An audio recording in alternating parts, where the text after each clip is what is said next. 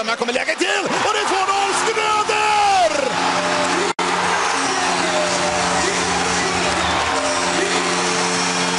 Och stället går bananas! Fullständigt! Gälleräven Center jublar! Välkomna ska ni vara till Svenska fans Modopodden och stället går bananas med mig Johannes Forsberg och Peter Kempe. Peter, vi har ju snackat lite grann innan, men för de som lyssnar, hur är läget? Jo, men det är väl rätt bra. Eh, just nu så... Ja. Det är ju inte så mycket modehockey just nu, mer än den här ryktessäsongen. eh, men jag, hör, jag hörde du sa att du har fått tillbaka, fått tillbaka livet lite grann när slutspelet var slut. Eh, Ja, hur, tycker du, hur tycker du själv att det är nu? att det är just nu? Mm. Eh, alltså när slutspelet var slut och man inte hade några tider att passa och man kunde åka på gymmet och bara ta hand om sig själv igen, då tyckte jag det var jätteskönt. Men det gick inte så många dagar innan jag började längta efter hockey igen. Så att nu, nu hoppas att det blir en bra sommar, annars kommer man ju tänka på hockeysäsongen hela tiden. Ja. Det finns alltid en risk för det. Ja, men å andra sidan så har vi lite hockey-VM att se fram emot och det är lite kul. Det känns ju mycket roligare än OS med tanke på att eh, det är bättre spelare på plats. Eh, så det ska bli lite kul att kika på tycker jag. Ja, eh, när, när, eh, när, vi, när jag var yngre, alltså när jag växte upp, typ, då brukade ju hockey-VMs final vara runt där jag fyller år. Jag fyller år den 8 maj. Mm. Nu har det inte ens börjat de senaste åren. Eh, ibland har det börjat typ den 11 eller något sånt där. Men det är Ja. liksom det tidigaste. Så jag verkligen blivit förskjutning på, på de grejerna. Ja, när är det kör igång nu? Det är väl slutet av maj någon gång va? Fredag den 13 maj till söndag den 29. All right. Ja, jag har inte järnkoll på datumen det här året. Jag har inte kollat så mycket på det. Nej, jag var tvungen att fråga min kompis Mr Google. Eh, Mm, Det var ju tur. det började tydligen på fredag. just. Ja, så att lite hockey har vi att se fram emot och sen så är det ju många som följer eh, NHL också såklart, slutspelet. Men eh, det gör inte jag utan eh, i år har jag bestämt mig för att jag, jag läser om, om det. Jag måste få Mm. sova. Ja, det är sådana detaljer också ibland. Ja, precis. Jag är inte som Max, som, som eh, Max Melin som ser alla Nashvilles matcher och mycket annat också. Nej. Han har ju anpassat hela sin dygnsrytm efter det där. Han går väl och lägger sig jättetidigt och sover några timmar och så. Ja, det ska jag aldrig klara. Om man sover alls. Ja, det är frågan. När sover Max? Ja. Ja, men du, vi har ju lite grann att ta i när det gäller moderelaterade saker. Ehm, Vi ska ju ge spelarbetyg och en skala på godkänd, väl godkänd och mycket väl godkänd. Eh, Vi ska summera säsongen som var och eh, blicka lite grann in på nästa säsong, även fast det får vara en liten stund bara för att annars blir det så mycket spekulationer. Ja, precis. Eh, Spekulera kan man i alla fall. Ja. Du nämnde det med rykten och, och sånt där. Är det något riktigt rykte du har snappat upp som du har lett åt extra mycket? Nej, inte direkt. Jag har inte fångat upp någonting liksom utöver det vanliga det här året. Men det är mycket tid kvar så det kan säkert hända en del. Det kan du nog göra. Ehm, Men annars så, så har ju Modo varit ganska snabbt ute med nyförvärv också tycker jag. I år. Vi har ju redan presenterat eh, tre nyförvärv. Ja, precis. Och Eh, Det innebär ju att truppen nästan är full i, Ja. egentligen. Ja. Den är ju det. Eh, Men sa inte Gradin att de skulle in med en back till också? Så jag undrar om ja, att det kanske är Bernhard som kommer fara eller något sånt där. Mm. Ja, eh, det finns ju... Nu, nu är inte det här eh, riktigt med substans eller något sånt, utan det här är mer liksom folks enskilda takes på Twitter som jag tänker prata om nu. Mm. Det var ju någon, någon modoföljare som tyckte att nej men, det kan väl inte finnas något intresse i SHL för David Bernhardt för han har ju provat där ett par gånger och inte lyckats. Alltså, Ja, det är det är nästan, skra- nästan skrattretande inställning till sånt där. Ja. Eh, det, det är väl ganska känt att spelare som kanske haft lite tufft tidigare att ta plats i SHL och som gör en eller två allsvenska säsonger utvecklar spelet på sätt som de inte har kunnat göra tidigare. Och därför kan de ju komma tillbaka och vara riktigt duktiga backar i SHL. Ja. Det är inte bara backar som lyckas heller utan man kan ju kolla på en del forwards som har gjort den där resan också. Ja. Oh ja. Men eh, vad skulle du vilja börja med?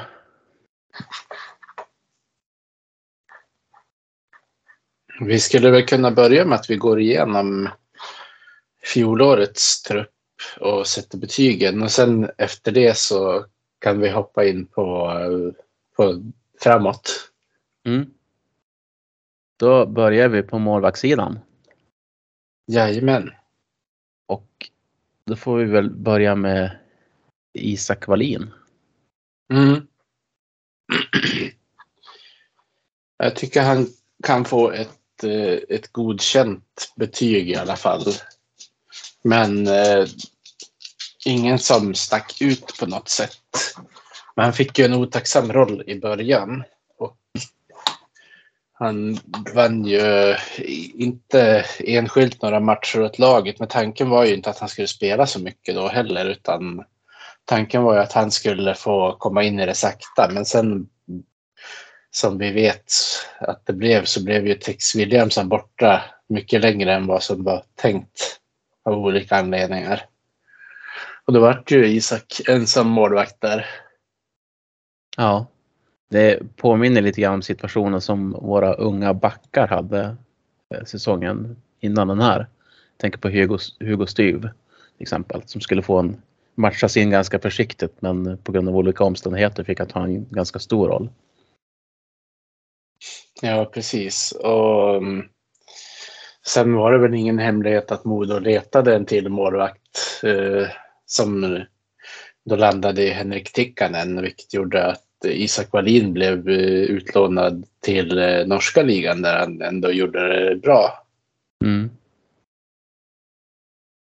Henrik Tikkanen som kanske gjorde sin absolut bästa match för Växjö.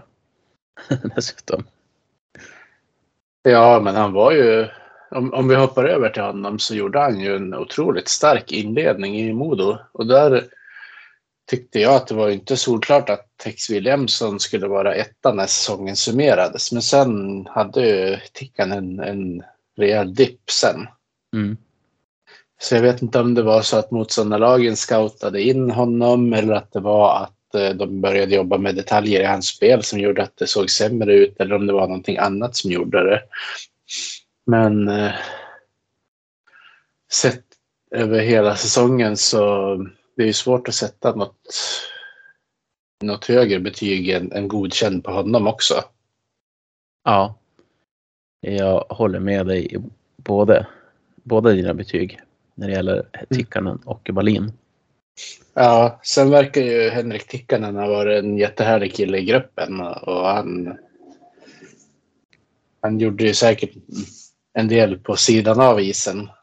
Men det är ju spelet på isen som är viktigast med målvakterna. Ja, absolut. Då går vi till eh, Tex Williamson. Mm. Nu har jag satt betyg på de andra målvakterna så nu får du steppa upp. Ja, just det. Jag trodde jag bara skulle kunna chilla lite grann. ja, nej men Tex för mig, eh, både slutspel och eh, Eh, grundserie är en stark VG-säsong. Eh, jag tycker att han räddade många poäng åt Modo under grundserien. Speciellt första tredjedelen där, när vi vann mycket matcher som vi kanske inte borde vunnit egentligen. Spelmässigt om man kikar så i alla fall. Eh, sen tycker jag att han i slutspelet egentligen är MVG ända fram tills eh, de två, ja kanske han har två, tre matcher där som, som eh, han säkert skulle vilja ha tillbaka själv också. Så att det är väldigt nära en MVG-säsong för mig men ändå lite till för att det ska vara MVG. Men eh, en av de viktigaste spelarna i laget och har, ju, har gjort en fantastisk säsong tycker jag. Så du är inne på samma betyg som min engelska lärare gav mig i, i sista året i gymnasiet, VG++. Ja, precis. Den är ju skön att få. Om man får ja. VG++.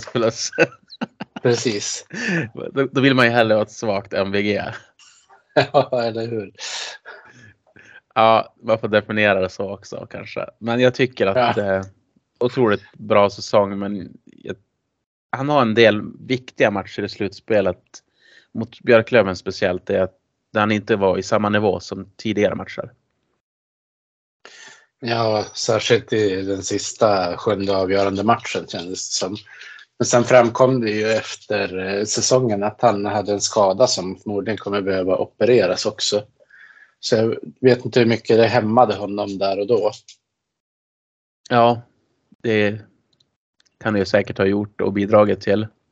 Sista matchen mot Björklöven var ju jättekonstig därför att det var ju mål på varann, vartannat skott från dem.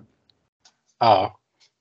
Eh, och jättekonstiga mål. Det var ju dubbelstyrningar och allt möjligt. Allting gick ju in. Samtidigt som ja. hela Modo var helt värdelösa. Ja, precis. Men vi kommer till den summeringen när vi har satt betygen på, på laget. Så att vi pratar lite mer om det då. Mm. Eh, men vad tycker du om text då?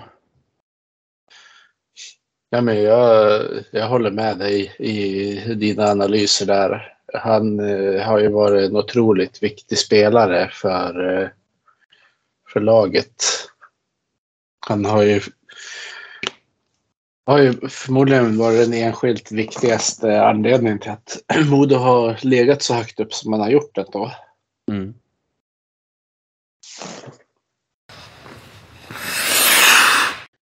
Då kan jag fortsätta med backsidan.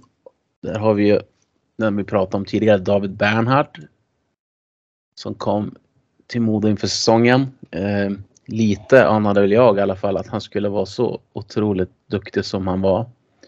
Eh, vann backarnas poängliga, gjorde 14 mål, 30 assist. Och i slutspelet så snittade han nästan en poäng per match. Eh, han gjorde 12 poäng på 13 matcher. Jag tycker att eh, han var helt fantastisk under grundserien. Eh, det är en MVG-säsong eh, för mig i grundserien. Sen tycker jag att han inte riktigt kom upp till den nivån han hade i grundserien eh, under slutspelet. Utan att han där gick ner sig lite grann. Så, och spelade upp sig eftersom, ska jag också säga. Jag tycker speciellt det var i serien mot Kristianstad så, så gick det inte att känna igen eh, honom. Och sen så utvecklades det mer och mer mot det, det man var van att se tidigare. Så att för mig får han en VG i slutspelet. Eh, kanske en svag VG till och med. Eller en godkänd plus plus som eh, Kempe hade fått. Men överlag en jättefin säsong. David Bernhardt, ja det, det måste ju tillsammans med Sam Vignot vara den uh, utespelare som har haft enskilt störst betydelse för hur det har gått för laget. Sett utifrån vad man hade för förväntningar på honom och vad han levererade så är det ju, man är ju uppe och snuddar på MVG-gränsen där också. Mm. Nej, jag håller med. Gick du över till MVG eller blev det typ VG++? Nej, alltså jag tror att det vart eh, MVG för mig på honom. Eh, men eh, i slutspelet fick han ett eh, VG. Mm. Eh, Och att han, att, han, att, att han då spelade upp sig också. Jag tycker att i Ja. serien mot Kristianstad så var han inte riktigt att känna igen. Nej, det kan jag hålla med om. Sen var han ju bra de fyra första matcherna mot Björklöven. Och sen försvann han bort lite grann i de två sista. Ja. Nej, men eh, jättefin säsong och som sagt, jag hade ingen aning om att han skulle vara så jävla duktig. Det tror jag inte ens Henrik Gradin hade. Om jag ska vara ärlig. Ja, de visste väl att de skulle få en, en tvåvägsback med en bra offensiv uppsida. Men jag tror inte de hade räknat med att han skulle vara bland de bästa poängplockarna i hela ligan bland backarna. Nej, han vann väl till och med poängligan. Ja, så vitt jag vet så. Mm. Eh, vi lämnar honom och går vidare till Niklas Folin. Mm. Den defensiva generalen. Ja, han tycker jag eh, kan få ett, eh, ett, ett VG-betyg faktiskt. För eh, han gjorde ju en otroligt bra defensiv säsong. Eh, han stack inte ut på något sätt och det är ju precis egentligen vad man förväntar sig av en back som har defensiven som sin största styrka. Mm. Så jag Nej, tycker och- han, gjorde, han gjorde ju det, det som han skulle om man säger så. Ja, och jag håller med dig. Han har fått VG av mig också. Det är, kändes tryggt med honom. Filip Hasa, nästa back. Ja, han gick ju från ett MVG-betyg i november till ett eh, godkänt betyg i februari. Så man får väl eh, sammanfatta hans säsong med ett VG-betyg helt enkelt. Det var som att han mentalt checkade ut liksom sista tre månaderna. Ja, Mm. jag, jag måste säga att jag är lite besviken på Hasas förfall. Eh, som han visade upp i Modo. Ja, för vi satt ju och hyllade honom i, ja, i julavsnittet som eh, lagets bästa back där och då. Ja, Om, om man sett till helheten, alltså kanske inte poängmässigt, men allround back var han ju den som var bäst då. ja. Eh, han landar på eh, eh, Ja, ska man vara... Egentligen är det ju som, som du är inne på VG. Men jag, jag tycker med, med den hockey han är i alltså hur, hur han checkade ut gör att jag, jag, han får ett G av mig. Eh, jag, jag tycker det är väldigt märkligt faktiskt. hur- Hur det blev. Väldigt svag i slutspelet också, tycker jag. Ja. Och eh, det, det, det blir en, en ogenomtänkt non sequitur till nästa back. Svag i slutspelet. Ja. Josef Ingman. Ja, precis. Det, eh, hans slutspel vill han nog bara glömma. Det var inte bra. Särskilt Björklöven-serien. Särskilt Björklöven-serien. Men han var ju även ute och joxade mot Kristianstad. Eh, men revancherade sig själv. Genom att avgöra och blev, blev, inte, och blev inte lika hårt straffad där heller. Nej. Och under säsongen eh, så är det han. Han är upp och ner. Han är så mycket upp och ner tycker jag och jag tycker att han tar så många konstiga beslut för att ska vara en etablerad back. Han, Ja, jag hå- håller med dig helt och hållet. han visar ju att han har det där spelet som man skulle vilja se från honom i sig. Men sen så kan han välja att göra så konstiga beslut. Och inte bara ett beslut per match som blir konstigt utan flera konstiga beslut. Och så kan han gå tillbaka till det där spelet man vill att han ska spela med ett säkert enkelt första pass och sen gå upp och, och hota offensiven med sitt eh, skott. Ehm, men det är... Ja, ibland så slänger han bara puckar omkring sig till höger och vänster. Och du vet att jag, jag har skrivit till dig också och klagat på han. Undrar vad han håller på med ibland. Eh, Mm. Men han, han, har ju, han har ju det i sig. Jag, jag, men han, han har ju ett bra ledarskap som ska kunna hjälpa honom i det här. I Kalin och company. Men det känns inte som någon trygg back. Det gör det inte. Det är inte Eftersom- defensivt i alla fall. Nej, eftersom han känns så otroligt oberäknelig. Så Han för mig- blev ju blev konstant eh, söndercheckad av Björklöven också. För de läste väl av eh, hans svaga sidor. Ja. För mig är det ett godkänt betyg på Ingman. Ja. Ja, det blir inget högre i alla fall. Speciellt inte med de förväntningar jag hade på honom. Nu, nu kan inte jag påstå att jag sett Ingman så mycket, men han var ju... Jag menar hela Modo Twitter skrek efter honom hur länge som helst. Så jag tänkte att oj, det här måste vara riktigt duktig stjärnback typ. Eh, Jag tror att om han fortsätter spela så här så då kommer han ha problem att komma in i topp 6 kommande säsong i Modo. Bland backarna. Ja. Ja, det är. Vi får se vad som händer helt enkelt. Ja. Lät, väl, lät väl kanske som att han inte var helt hundra på att han skulle bli kvar i Hockeyallsvenskan heller. Men som, som du har sagt så är väl ingen klubb högre upp som direkt räckte sig efter sedelbuntarna efter det slutspelet. Nej. Ehm, Ja, vi får se vad som händer med honom. Han, han är ju helt klart ersättningsbar i alla fall. På ett sätt som är svårare med David Bernhardt exempelvis. Mm. Eller nästa kille, Nässén. Pontus. Ja. Där hade du ju en riktig powerplay quarterback egentligen. Ja, Den som sökte alla passningar igenom egentligen. Sen hade han ju Bernhardt som skytt. Han hade ju Woods som skytt. Och eh, han hittade dem ju alltid kändes det som med någon passning. Jag tror någon av matcherna hemma mot Björklöven hade han väl tre sådana här eh, fri genomspelningar bara i de två första bytena. ja.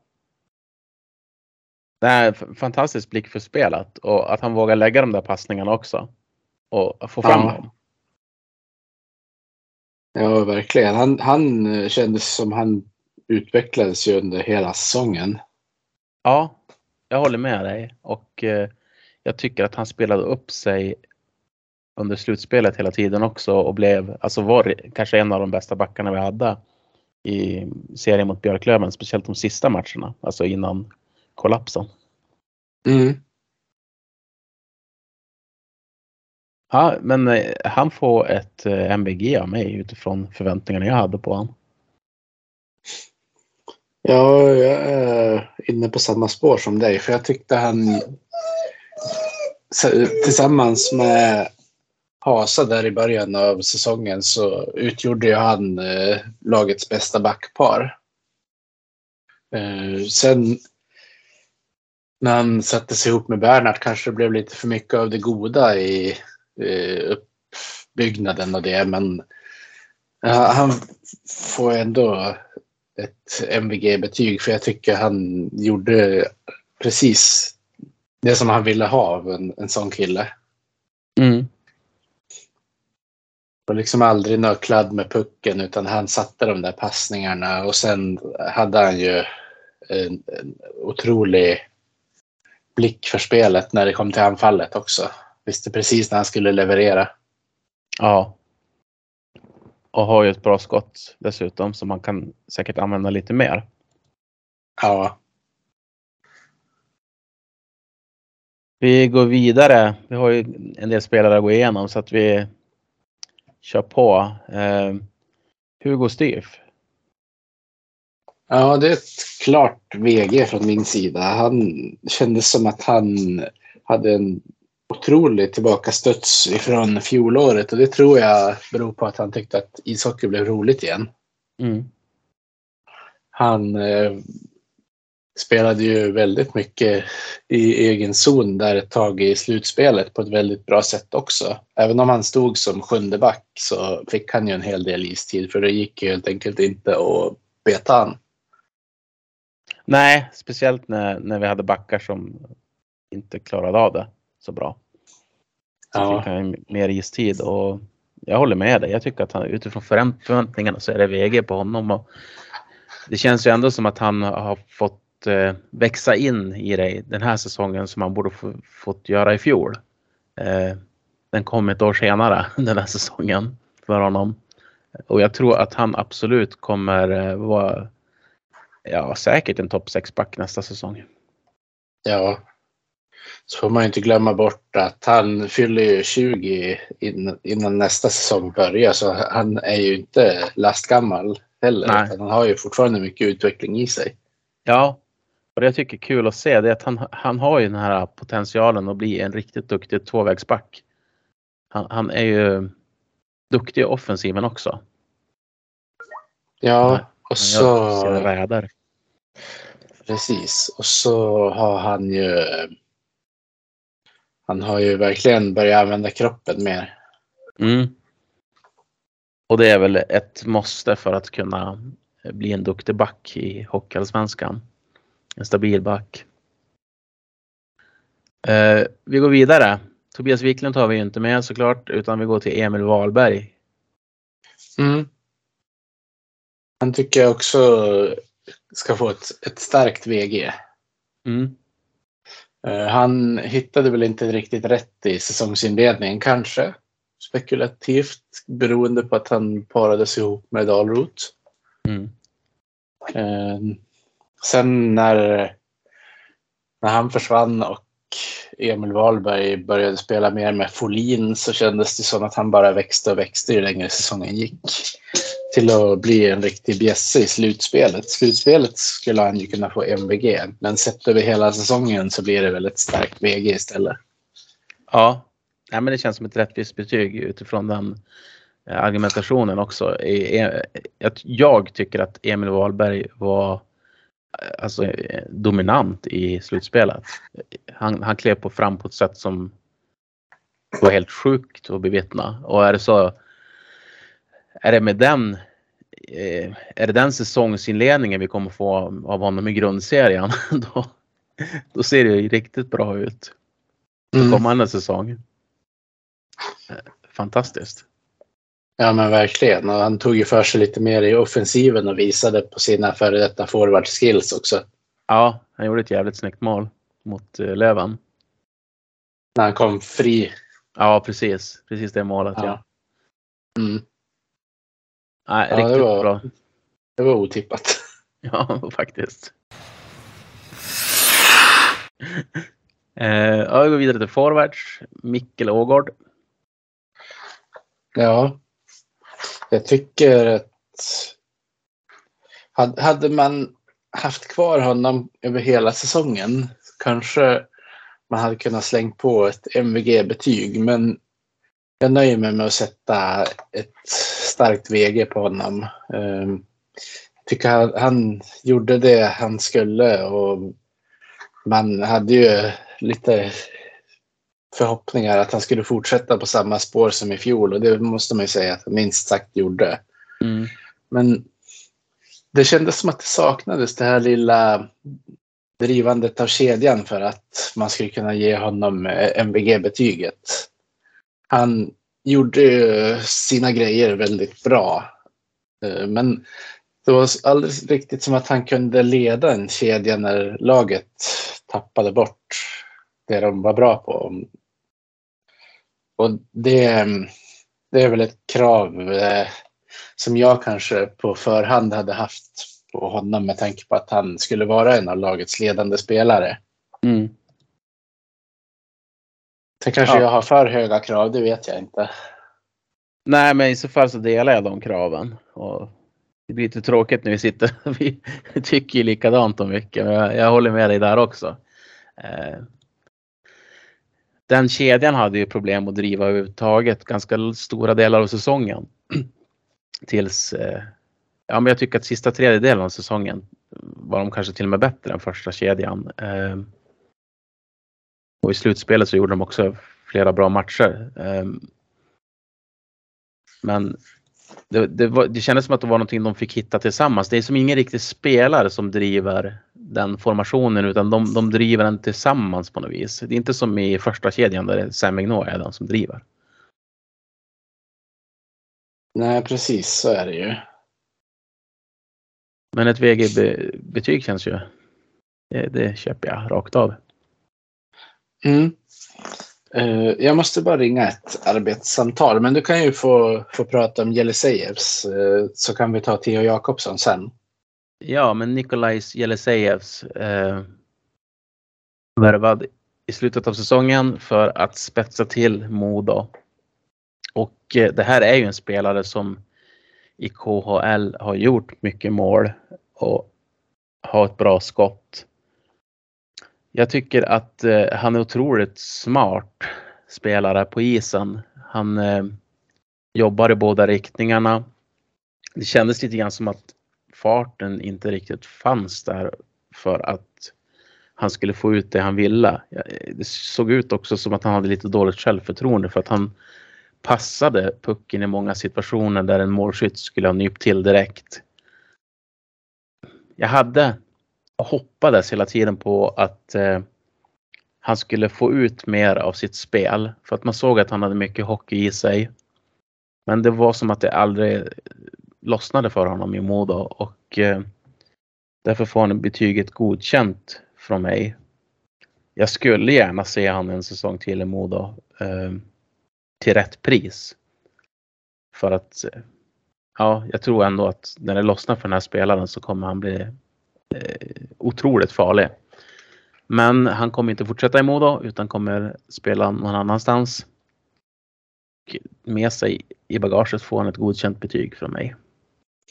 Jo, men jag, jag är inne på samma betygsspår som du har. Eh, det kändes ju som att det fanns så mycket mer i honom som han inte fick ut. Alltså, mm.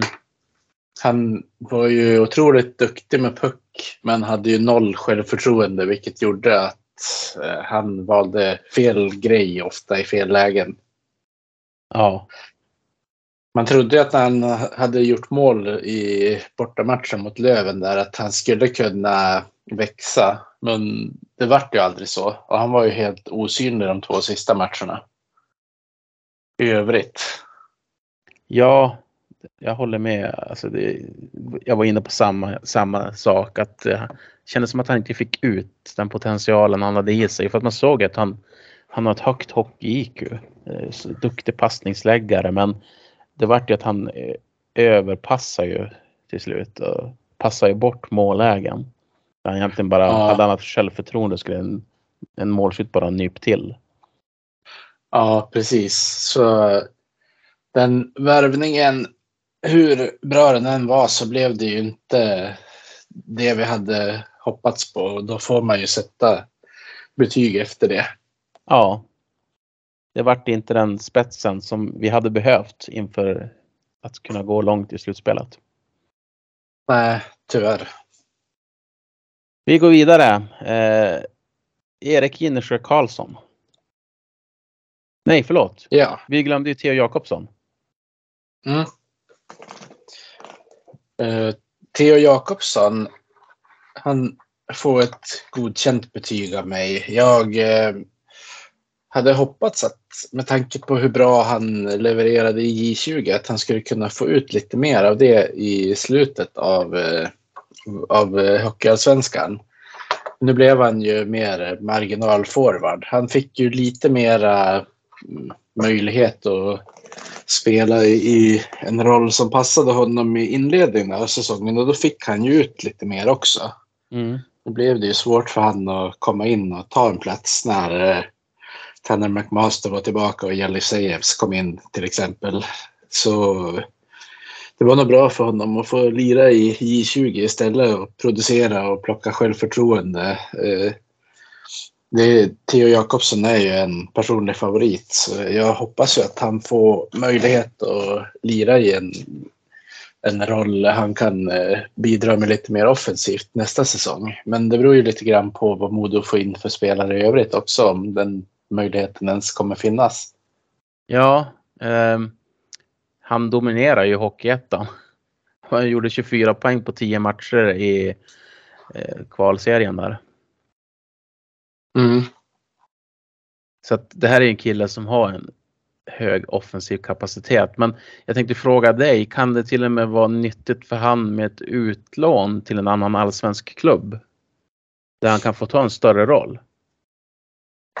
Ja, det funkade ju för Tobias Åström när han fick gå till Almtuna till exempel. Så jag hoppas att det finns en tanke om det, eh, om det är så att man märker att man inte kan ge honom en sån roll som han behöver ha för att utvecklas. För att det är ju viktiga år för honom nu. Ja, jag tänker med en sån offensiv uppsida som han har så, så ska ju det vara en spelare som spelar i de två första formationerna. Och det kanske blir svårt Mm. att få den möjligheten i Modo nu. Alltså Modo kommer ju antagligen vara topplag nästa säsong också i Hockeyallsvenskan. Det är ingenting som talar Ja. emot det. Nej, precis. Det är ju... Då är det ju svårt för en, eh, en yngre kille att spela konstant bra nog för att vara i de två första kedjorna hela tiden. Mm. Då är det ju säkert så att man hellre tittar på de som man vet har, eh, har levererat lite mer tidigare. Ja, För Modo har ju en del eh, yttrar som går före Theo i dagsläget. Så är det ju helt enkelt. Det är ju inget att sticka under stol med. nej precis. Eh, och eh, jag sa fel om T också. Det var inte alls han som hade dominerat där. Utan det var ju Jeremias Lindevall. Ja, Theo har gjort eh, 32 poäng på 24 matcher i 20. Mm. Han, eh, då kan man ju tänka sig att han hade ju ett par matcher i rad som han gjorde hattrick tror jag. Där i februari någonstans. När Modo spelade fortsättningsserien för J20. Han var ju förmodligen bästa utespelare i det laget då. Ja. Eh, vi får se vad som händer med honom, men det luktar lite utlåning tycker jag kring, kring han. Vi går vidare då till den killen som faktiskt dominerade i Hockeyettan, Jeremias Lindevall. Mm. Sp- spelade ju inte speciellt mycket i A-laget, alltså i Modo.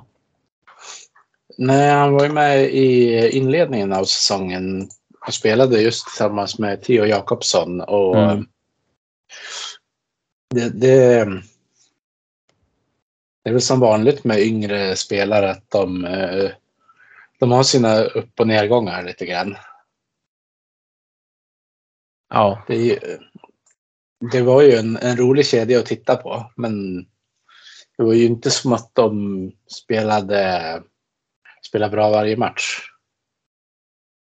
Nej, det, jag, jag tycker det är svårt att sätta betyg på, på dem eftersom eh, deras förutsättningar var ju så konstiga också. Alltså, de får ju gå in där det, när det inte finns folk att tillgå i princip. Så puttar man in dem i olika situationer.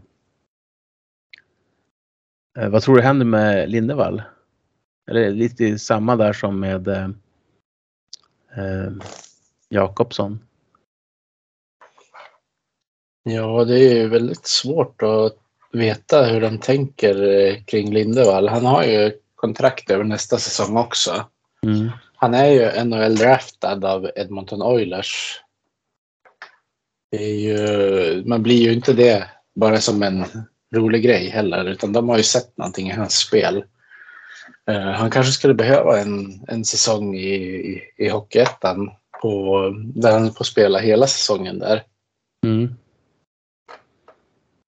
Han verkar ju ha, um, ha gjort det bra i Övik, men Övik har ju varit ett bottenlag också. Så att uh, han kanske skulle behöva spela i ett lag som ligger lite mer och känner på toppen i Hockeyettan för att få ut mer av sin utveckling. Ja, jag tänker det. Eller också ett utlån till en hockeyallsvensk klubb eh, när han får en större roll. För att ändå, han spelade ändå 18 matcher i grundserien i Övik. Gjorde 26 poäng och sen i kvalet så gjorde han 24 poäng på 10 matcher.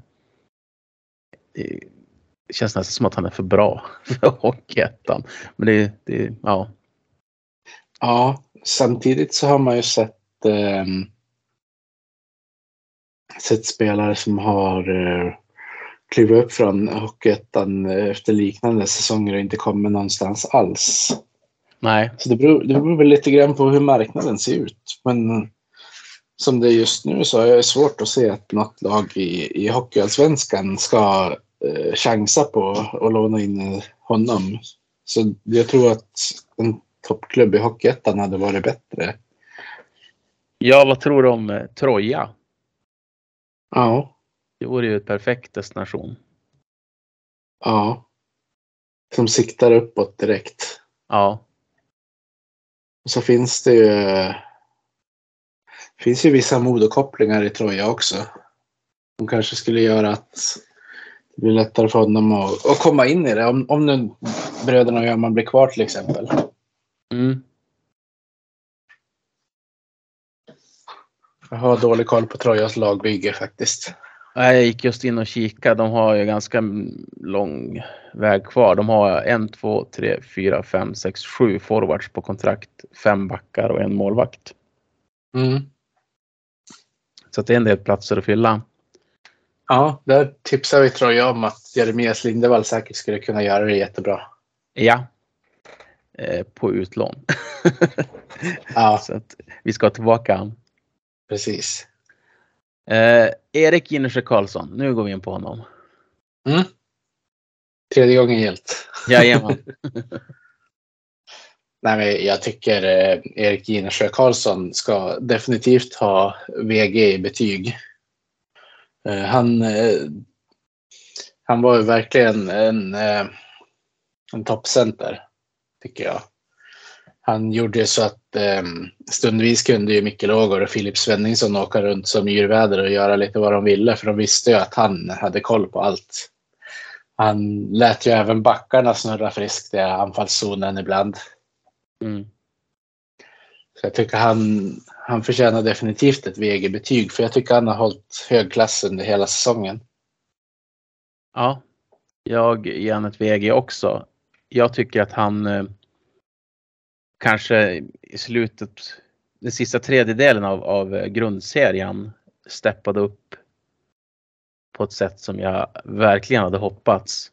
Och det betyder inte att han höll dålig kvalitet innan utan det är mer att jag tycker att andra kedjan fick, ge- de producerade för lite. Ginnersjö Karlsson och Svenningsson. Men Mm. eh, det var ganska snabbt efter min kritik så, så ändrade de på det. Så att jag är glad att de lyssnar på mig. Mm. Ehm, nej, det ska bli jättespännande att se, se honom nästa säsong. För, för ehm, jag, jag tror inte vi har sett det bästa av honom än. Nej, jag har lite samma känsla som dig, ovanligt nog. Ja. Ehm, ska bli kul, men det är ju helt klart en, en center att bygga kring och så, som du är inne på också, att det är ju han är ju som duktiga, han är duktig i båda riktningarna. Som gör att forwards får utrymme. Mm. Han, det är också en, en herre med ett stort eh, hockey-IQ. Mm.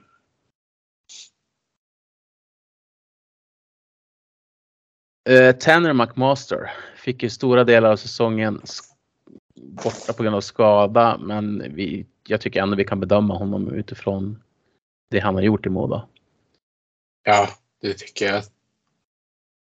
Eh, för mig får han ett G. Jag hade hoppats mycket mer på uh, McMaster faktiskt om jag ska vara ärlig. Jag, jag tror till och med att jag tippar honom som poängligvinnare i Modo inför säsongen.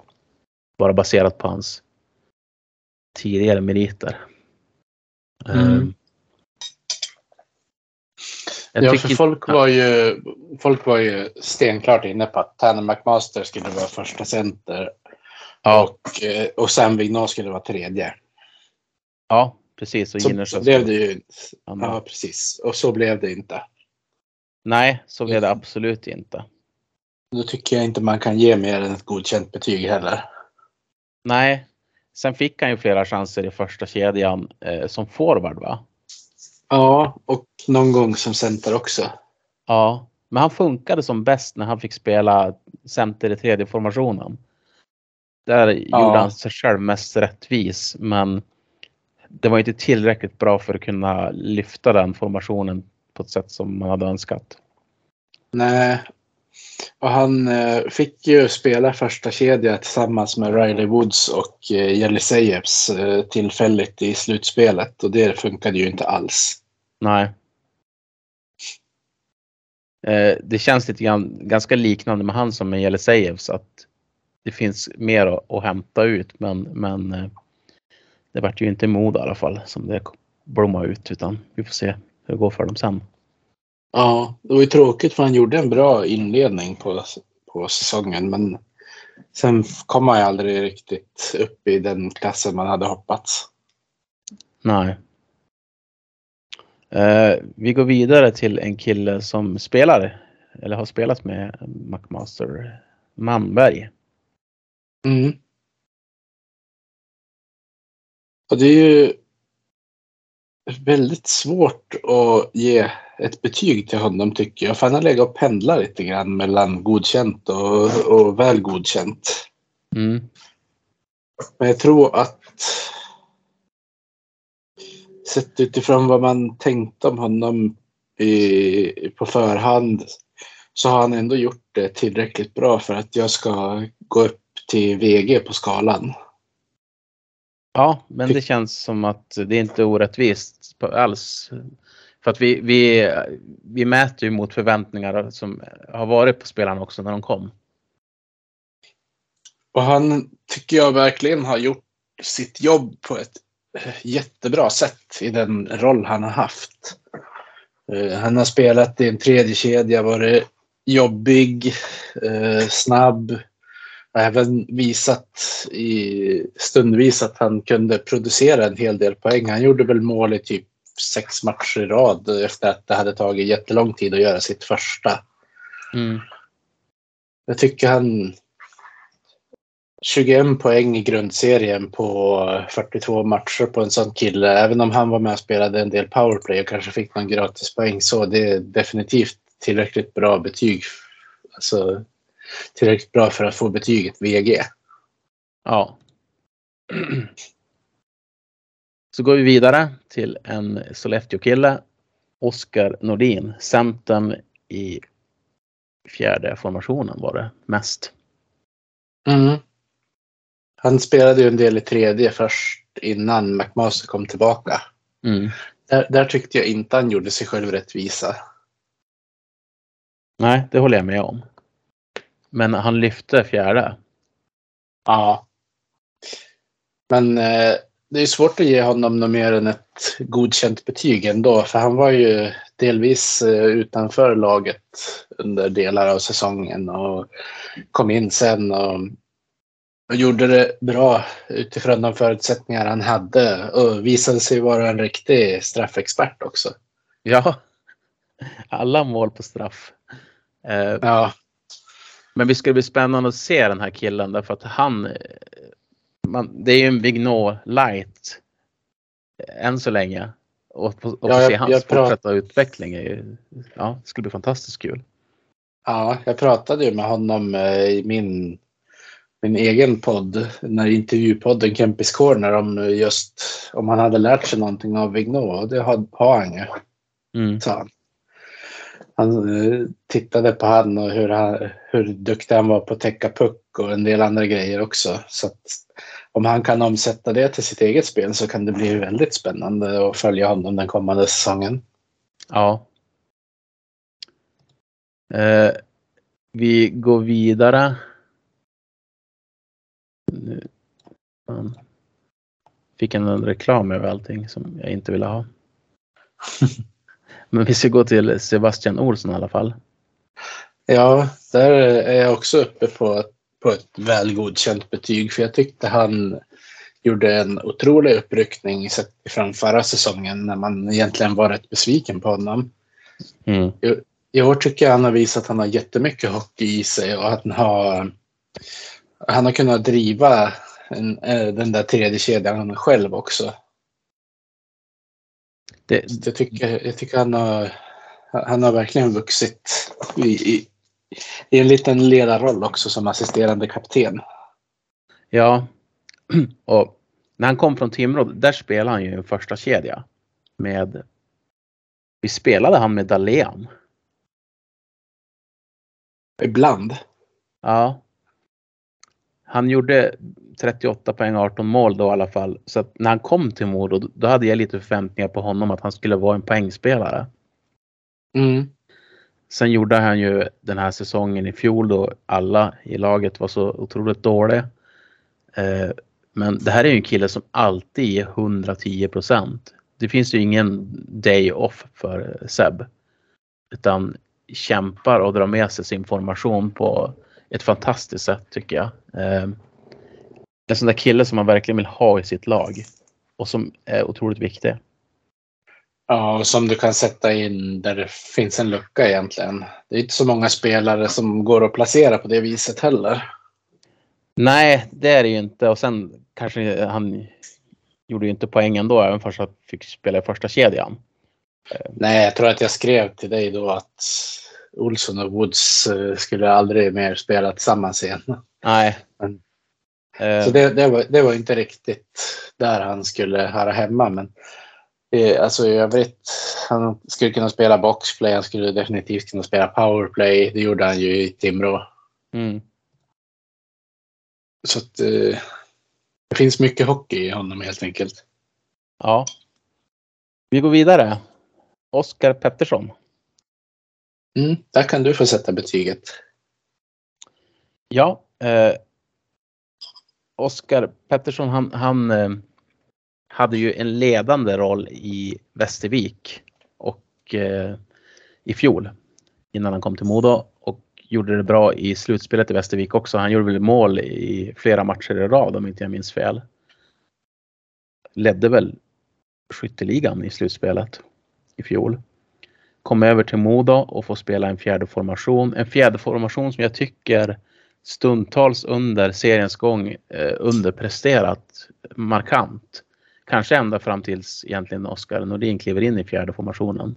Och då hittar de eh, lite mer nycklar att vara en, en lite farligare formation. Men just Oskar Pettersson i fjärde formationen tycker jag har gjort det bra utifrån de förväntningar jag hade på honom i alla fall. Han eh, gör mer poäng än han gjorde i Västervik i grundserien fast han spelar mindre istid. Han är den där rätstickan som man hoppas att han skulle vara. Men jag skulle vilja se ännu mer av det av honom framöver. Men han får faktiskt ett VG av mig. Mm. Jag är benägen att hålla med, men jag tycker att han... Eh, jag tycker inte de borde plocka bort honom från boxplay. Mm. Jag tyckte han och Max Tjärnström eh, kompade varandra otroligt bra i boxplay de till och med gjorde ju något mål framåt i spelet numerärt underläge. Men jag förstår att man kanske väljer mer rutinerade spelare när det är slutspel också. Jag tyckte hans spel hade ytterligare en dimension när han även spelade boxplay. Mm. Men definitivt VG i betyg. Ja, vi kilar vidare. Filip Svenningsson. Ja. Där har det ju pendlat allt mellan MVG och G under säsongen känns det som. Han har haft perioder där han har varit otroligt bra. Han har haft perioder där han har underpresterat en del. Eh, förmodligen kanske lite hämmad av sin skada emellanåt också. Men det känns som att han, eh, han förtjänar ju definitivt ett VG-betyg i, i, i min bok. Kanske inte så, så starkt att han är uppe och sniffar på MVG sett över hela säsongen, men ändå ett starkt VG. Ja. Eh. jag tycker att han är som bäst i slutet av säsongen. Jag, han var ju skadad också. Han har ju spe, inte spelat så jättemånga matcher. Han har spelat 31 matcher. Ska vi säga. Och gjorde 22 poäng på de matcherna. Och mycket av de poängen kändes det som att de kom i slutet av säsongen. Som det gjorde för andra kedjan. Han, han eh, brände väldigt mycket lägen. Bra lägen. Men har ju mycket hockey i sig och jag tycker att han kliver fram bra i slutet. Så att för, för mig, jag kan sätta ett VG på honom också. Det skulle kunna vara ett godkänt plus. Jag, jag, jag tror att eh, ändå att han har fått en bra fart med sig in i nästa säsong. Så att jag, jag tror vi kommer få se en väldigt farlig Filip Svenningsson kommande säsong. Ja, det är inte alls omöjligt. El Capitano. Daniel Silvander. Mm. Han eh, gick ju tillbaka till en helt annan roll än han hade i fjolårets lag. Eh, som vanligt när det gäller Sylvander så vet man ju att man får 100% arbete, en och annan dum utvisning. Men i år tycker jag att han, eh, jag ska inte säga vek ner sig, men han, eh, han kändes som att han krympte en dimension i Karolins hockey. Jag vet inte vad det beror på, om det var att spelsystemet inte funkade, att han fick en annan sorts roll eller vad det kan tänkas vara. Men jag jag har svårt att ge mer än ett godkänt i betyg med tanke på att jag hade lite högre förväntningar på Sylvander. Ja, jag håller med dig. Um, lite grann av uh, stundtals lite grann av besvikelse tycker jag. Alltså kapten ibland spelar så dåligt som han har gjort på isen och då tänker jag främst på kanske de här uppenbara misstagen i slutspelet. Där det kostar mm. mål bakåt. Men jag vet inte riktigt. Det är någonting som, som eh, har skett. Därför att han har ju ändå varit väldigt bra under sina tidigare säsonger i Modo. Jag tycker att ett G får han av mig också. Även fast han ger 100% i alla situationer. Men jag hoppas att, att eh, han kan hitta tillbaka lite mer till sin, sin gamla fjolårs Daniel Sylvander. Mm. Man ska inte heller glömma att han fick en helt ny omgivning. Men samtidigt så har man ju större förhoppningar på, på en lagkapten som har ändå blivit något av en kulturbärare som man har sett göra saker mycket bättre tidigare. Ja, det har man. Um, nej, jag kan inte ge en mer än ett G. Jag vet att det finns mycket, mycket mer att hämta i honom. Jag är väldigt glad att vi har kvar honom över nästa säsong. Det, det känns jätteviktigt. Ja, samtidigt som eh, Allehanda var ute och spekulerade igår om att han kunde vara på väg bort. Jaha. Det, mm, de skrev eh, att eh, de håller på att försöka kanske hitta någon lösning med både Tjärnström, som kanske inte är helt otippat, och Sylvander. Okay. Det var den här nya Mattias Persson som skrev någon artikel om ja, men vad Modo behöver för att bli ett topplag nästa år. Och då var det något rykte om att det pratas om att försöka hitta någon lösning med Sylvander. Ja. Men vi får se vad som händer. Jag har svårt att tänka mig att man bara kastar iväg lagkaptenen sådär. Så måste det väl nästan vara att det redan finns intresse från något annat lag i så fall. Ja. Um, så det kan ju vara ja. så. Ja. Därför att Men, någon, någonting som man såg under det här året, alltså i slutspelet, det är att Modo behöver bli, få en spetsigare bredd. Ja. Så är det. Max Tjärnström. Ja. Blev lite av en besvikelse. Kändes det som. Man trodde ju mer på honom efter fjolårssäsongen. När jag tyckte att han på slutskedet då var en av de bättre i, i ett lag som förvisso inte var jättebra. Men han han växte ju en hel del under Sundqvist då. Och man trodde att han skulle kunna bygga vidare på det. Och han gjorde en, en rätt så bra säsongsinledning. Och sen, jag vet inte, han sjönk lite grann som en sten kändes det som efter, eh, efter november någonstans. Mm. Nej, det Han blir... var ju... Kör du? Ja, nej, jag tänkte bara säga det blir ingen och Han var ju petad också stora delar av slutet av säsongen. Ja, det var bara det jag tänkte säga också. Att jag kom på att han, han var ju mycket extra spelare i slutskedet av säsongen. Sen har vi de två sista i laget. Jag tror att vi kan dra dem på ett svep därför att det är två, i alla fall för mig, två MVG-spelare. Sam Vigneault och Riley Woods. Ja. Det är ju... Ja, alla som har sett Modo den här säsongen vet ju de två har varit otroligt viktiga. Sam Vigneault har väl har väl nästan varit ett, eh, kanske inte seriens allra bästa forward, men definitivt topp tre. Mm. Riley Woods har ju också gjort otroligt mycket bra. Eh, Det var ju en del som sågade honom i början av säsongen. Eh, som förväntade sig mer av honom.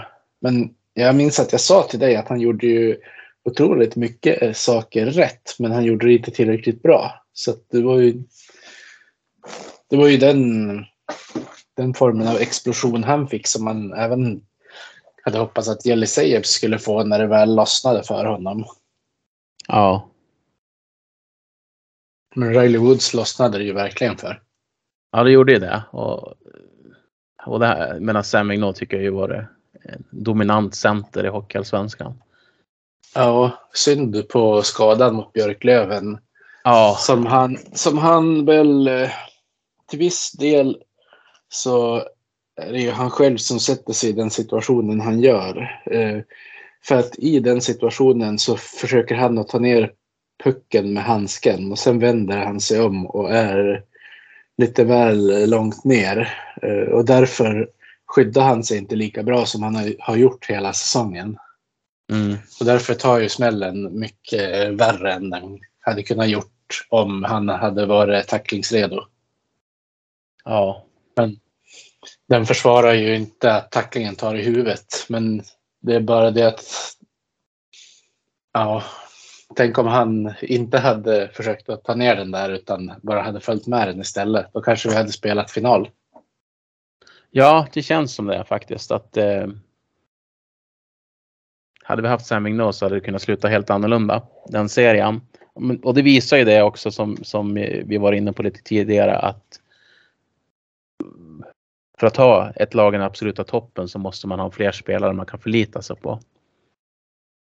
Eh, som tillhör spetskaraktär alltså. Lite grann som Löven har byggt sitt lag faktiskt. Ja, Nu kommer inte Modo bygga likadant som Löven, men jag tror att man absolut vill spetsa till, spetsa till laget och få in karaktärer som vi saknade också. ja. Jo, men det... Vill man vara ett topplag så behöver man fler eh, levererande kedjor. Så, så är det ju helt enkelt. Ja.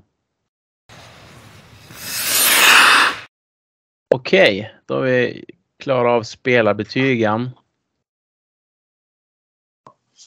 Ska vi prata lite grann om, om just det. Alltså det är klart det kommer hända saker i truppen framöver. Men det som har hänt fram tills nu i alla fall det är att August Berga kom in från Leksand.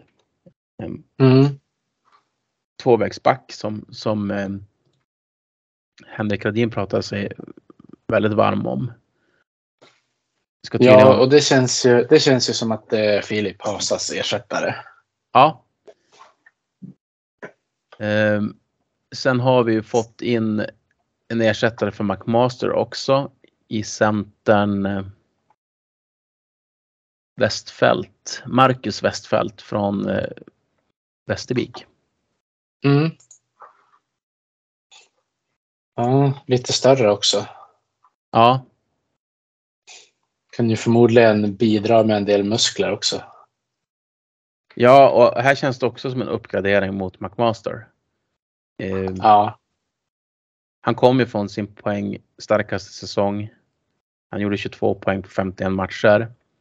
Eh, fyra poäng i slutspelet på sju matcher. Det är ju ingen, ingen den högre skolan, men en väldigt gedigen tvåvägscenter. Mm. Och sen så har vi det som alla visste men som är, är otroligt bra värvning. Eh, Richards Marenes från Vita Hästen. Den spelare man ville ha men man fick ta Jelisejevs istället. Därför att Vita Hästen vill inte släppa honom under säsongen. Och han har gjort 36 poäng på 33 matcher. En klassvärvning på, på den här nivån. Ja, som det säkert har funnits intresse av eh, från SHL-lagen också under säsongen. Ja.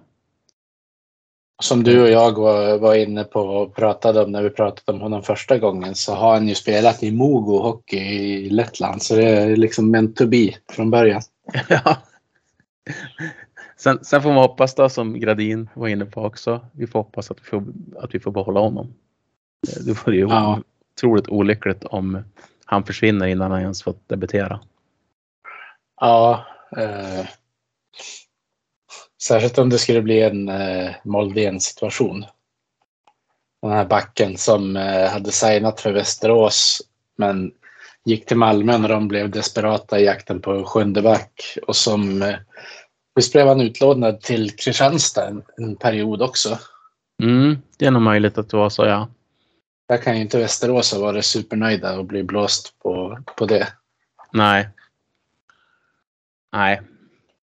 Men lite grann inför kommande säsong, vi varit inne på det, vi behöver fortfarande tror jag spetsa till laget lite grann. Vi kan ju också behöva ersätta spelare, eh, till exempel Sam Mignot och David Bernhardt kanske är de två som ligger närmast en flytt till bättre mm. ligor. Ja. Och det är jag... ju det är ju otroligt viktigt också vad man får in för målvaktskomplement till Tex Williamson. Ja. Med tanke på att han kan bli borta under inledningen av nästa säsong. Var det inte Mattias Persson som var inne på rykten där också kring att det var kanske någon junior-VMs målvakt som skulle in? Jo. Olle Eriksson Ek har ryktats tydligen. Just det.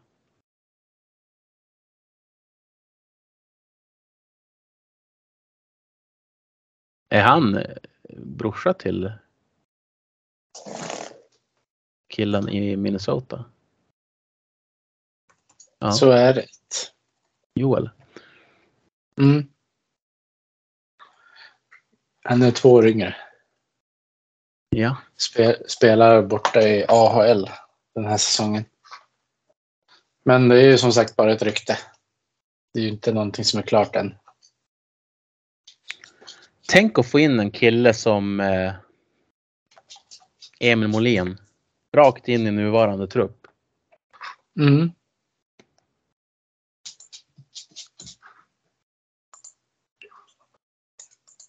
Kan, måste väl ändå tänka mig att han, han skulle vilja göra någonting annat nu. Ja, det är väl inte omöjligt. Han har ju trivts i Modo tidigare. Ja. Han har ju också um, också varit och tittat på en del Modo-matcher vet jag tidigare när han var i Malmö, när Modo spelade nere i Skåne. Mm.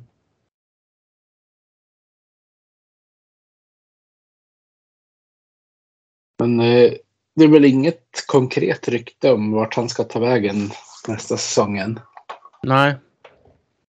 Nej, vi får nog se bara vad som händer. Det är mycket så, man kan spekulera mycket som helst men man får se vad som händer. Men vi kan i alla fall säga att Patrick Malone, den legendariska forwarden, mm. har idag sagt att han lägger skridskorna på hyllan. 42 år gammal. Hur många matcher var det det blev? 1799 eller något sånt där. Ja, han har väl matchrekordet i NHL nu eftersom att eh, Jaromir Jagr inte fortsatte i ligan. Nej. Ja, en otrolig karriär. Ja. 23 säsonger Ja. gjorde han i NHL. Som ordinarie hela tiden. Och- Jagr han förberedde sig för en ny säsong. Ja. Ja, det är fantastiskt. Jag tror det i alla fall. Jag har inte hört någonting om att han ska lägga av. Nej, inte jag heller. Han, eh, han är inte så aktiv på sin Twitter längre. Han var ju det lite mer när han spelade borta i eh, NHL. Mm. Men det, det verkar ju som att han, han, han gör ju bra ifrån sig också. Det är inte bara det här att spela utan han gör det ju bra. Ja. Född 72. Ja, han är 50 bast. Ja. ja, helt otroligt. Mm. Ja, men eh, vi har väl inte så mycket mer att prata om just nu utan vi får återkomma med en podd längre fram när det har hänt lite grann. När truppen har satt sig lite grann. Ja, men precis. Det, det kommer bli kanske vårt projekt vi har pratat om något år också där, under sommaren där man kan eh, sitta och göra en liten fantasy draft på spelare som har passerat i Modo genom åren. Ja, Det är sånt man kan göra när det är lite lågsäsong. vi får köra på det så att det blir av den här sommaren. Ja, det tycker jag. Då vore det kul om någon av våra övriga redaktionskollegor kan vara med också. Vi får väl se helt enkelt hur många det kan bli. Ja, vi får se till att vi är i alla fall tre stycken och i värsta fall så får vi låna in någon från Hockeyallsvenska podden. Ja, eller någon supporter kanske som brukar lyssna på podden och är sugen på att vara med. Det, detaljerna löser vi när det börjar dra ihop sig. Det gör vi. Eh, tack till dig Peter och tack till alla som har lyssnat. Eh, njut av sommaren. Det är inte så mycket att njuta av än så länge, i alla fall inte här uppe i Umeå. Det blåser ju kallt som fan. Men eh, vi hoppas i alla fall att vi får njuta lite grann snart. Absolut. Och eh, fram till dess så finns det ju lite ishockeyersättning eh, i hockey-VM och NHL-slutspelet för de som eh, har fått abstinens. Så är det. Ha det bra. Jag ska bara, jag ska bara avslöja en grej innan vi, innan vi avslutar den här podden. Jaha, ett avslöjande så är det slutet. Spännande. Jajamän. Nu under tiden som vi har suttit och spelat in så har jag faktiskt ätit en sån här chokladkaka från Hägges. Kommer du ihåg när de eh, när spelarna kastade ut fikabröd på i Kempis? Nej, jag kommer inte ihåg det. Varför kommer inte jag ihåg det? Det var ju någonstans runt mitten av 90-talet. Då åkte de och kastade upp kakor på sittplatsläktarna. Otroligt. Ja. Ja, då fick jag göra ett, ett icke-sponsrat inlägg för Hägges. Ja, det är bra. Okej, men eh, med den bomben så avslutar vi. Yes.